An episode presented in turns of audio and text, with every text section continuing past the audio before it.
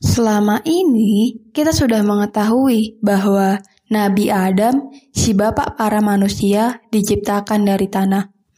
Hal tersebut tercatat dengan jelas di dalam Al-Quran. Namun, kamu sudah tahu belum bagaimana sih proses pengolahan tanah tersebut hingga bisa bernyawa, bernafas, dan menjadi seorang manusia sempurna?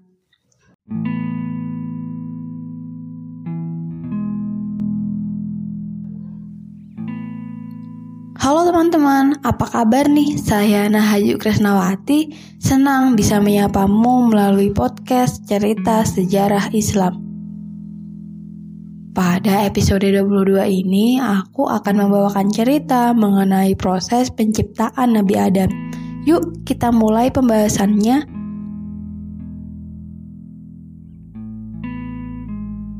Penciptaan Nabi Adam tertulis dalam Quran Surat Al-Hijr ayat 26 loh. Bunyinya begini.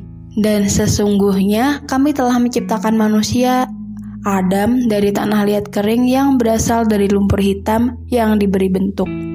Dari ayat itu telah disebutkan dengan sangat jelas bahwa Nabi Adam tuh diciptakannya dari tanah liat. Pertanyaannya, tanah liatnya berasal dari mana ya? Ternyata tanah liat yang digunakan untuk membuat Nabi Adam berasal dari bumi loh. Hal ini pernah dikemukakan oleh Nabi Muhammad SAW. Beliau bersabda, Sesungguhnya Allah yang maha bijaksana dan maha agung menciptakan Adam dari segenggam tanah yang diambilnya dari seluruh bagian bumi. Selanjutnya, anak-anak keturunan Adam tumbuh menurut kadar tanahnya. Ada di antara mereka yang tumbuh dengan kulit berwarna putih, merah, hitam, dan ada pula yang merupakan perpaduan dari semua unsur itu. Dari sabda Nabi Muhammad ini, kita bisa mengetahui bahwa warna kulit seseorang tak disebabkan karena proses evolusi. Karena seperti yang telah kita lihat, Walaupun orang etnis Cina tinggal di Afrika selama 100 tahun pun, kulit keturunannya bakal tetap putih jika kedua orang tuanya berkulit putih. Dan selama apa pun orang etnik Afrika tinggal di Cina, kulit mereka bakal tetap hitam. Kecuali mereka melakukan pernikahan antar etnis ya, baru bisa mempengaruhi warna kulit mereka. Yuk kita lanjut ceritanya. Dahulu, untuk bisa mendapatkan tanah dari bagian-bagian bumi, Allah mengutus Jibril untuk turun ke bumi. Namun, ketika Jibril hendak mengambil tanah dari bumi, bumi berkata, Aku berlindung kepada Allah dari tindakanmu yang mengurangi diriku atau yang menyakitiku.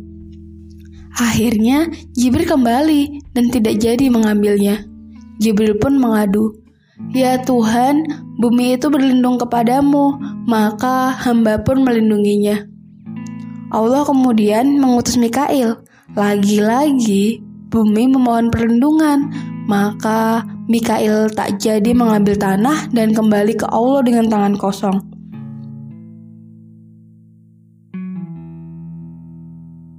Selanjutnya, Allah mengutus malaikat maut yaitu Israel Bumi pun lagi-lagi memohon perlindungan dari tindakan Israel yang akan mengurangi dirinya. Kali ini, Israel tak gentar, ia pun lantas berkata, Aku juga berlindung kepada Allah dari perbuatan yang akan membuatku kembali lagi kepadanya dan tidak menjalankan perintahnya. Israel mengambil tanah dari hamparan bumi dan menyampurnya.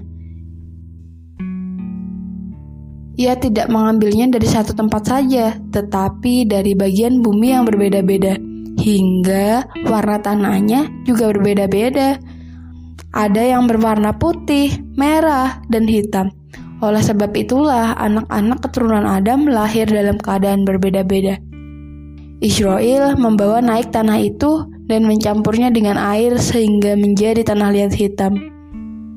Allah lantas berfirman kepada para malaikat, Sesungguhnya aku akan menciptakan manusia dari tanah. Lalu, apabila telah aku sempurnakan kejadiannya dan aku tiupkan kepadanya ruh ciptaanku, hendaklah kamu sekalian tersungkur dengan bersujud kepadanya. Firman Allah ini termuat dalam Quran surat Syad ayat 71 sampai 72. Allah menciptakan Adam dengan tangannya sendiri. Allah membentuk tanah liat yang dibawa Israel hingga menjadi sebuah jasad. Penciptaan itu dilakukan pada hari Jumat. Jasad tersebut lantas didiamkan selama 40 tahun. Ketika para malaikat melewati jasad Adam dan melihatnya, mereka merasa takut, namun yang paling takut pada jasad Adam adalah iblis. Sehingga ketika melewatinya, iblis memukuli jasad Nabi Adam. Tiba-tiba saja jasad Nabi Adam itu bersuara nyaring seperti suara prosesi pembuatan tembikar yang dibuat dari tanah kering. Karena dalam Quran Surat Ar-Rahman ayat 14 telah disebutkan bahwa Allah menciptakan manusia dari tanah kering seperti tembikar. Mendapati keadaan jasad Nabi Adam itu, iblis lalu berkata, "Engkau diciptakan untuk suatu urusan." Selanjutnya, iblis masuk melalui mulut jasad Adam dan keluar dari duburnya.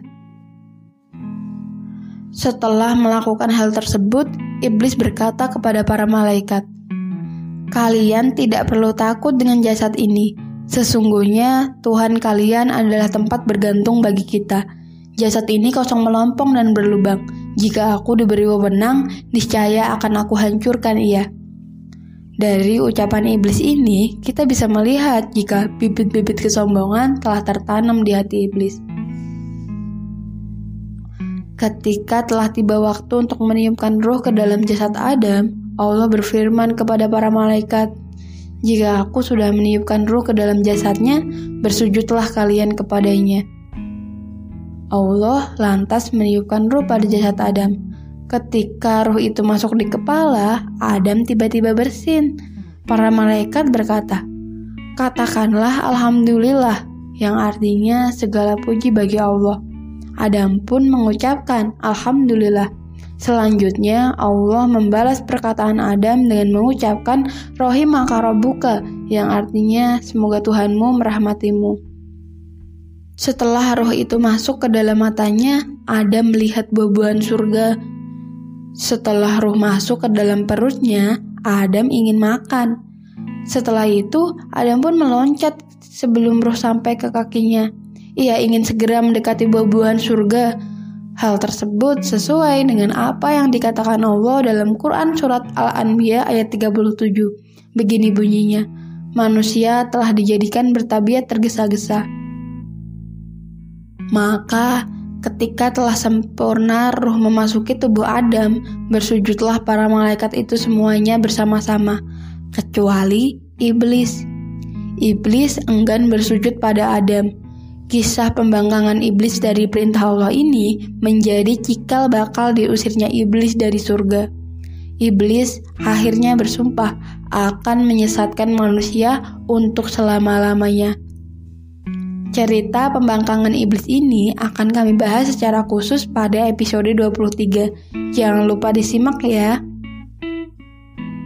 Teman-teman, ketika Nabi Adam telah berhasil diciptakan, Allah mengajari Nabi Adam dengan berbagai hal, termasuk nama-nama benda di bumi maupun di langit.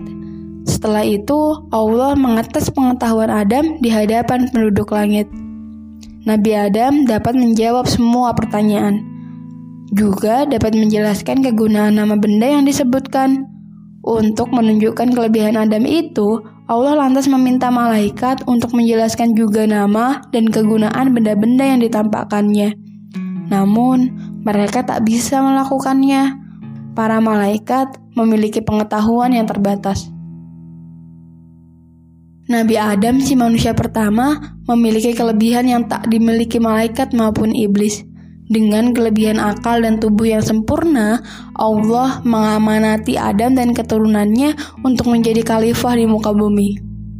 Penjelasan mengenai khalifah ini telah kami bahas di episode 21 yang berjudul Tujuan Allah Menciptakan Manusia.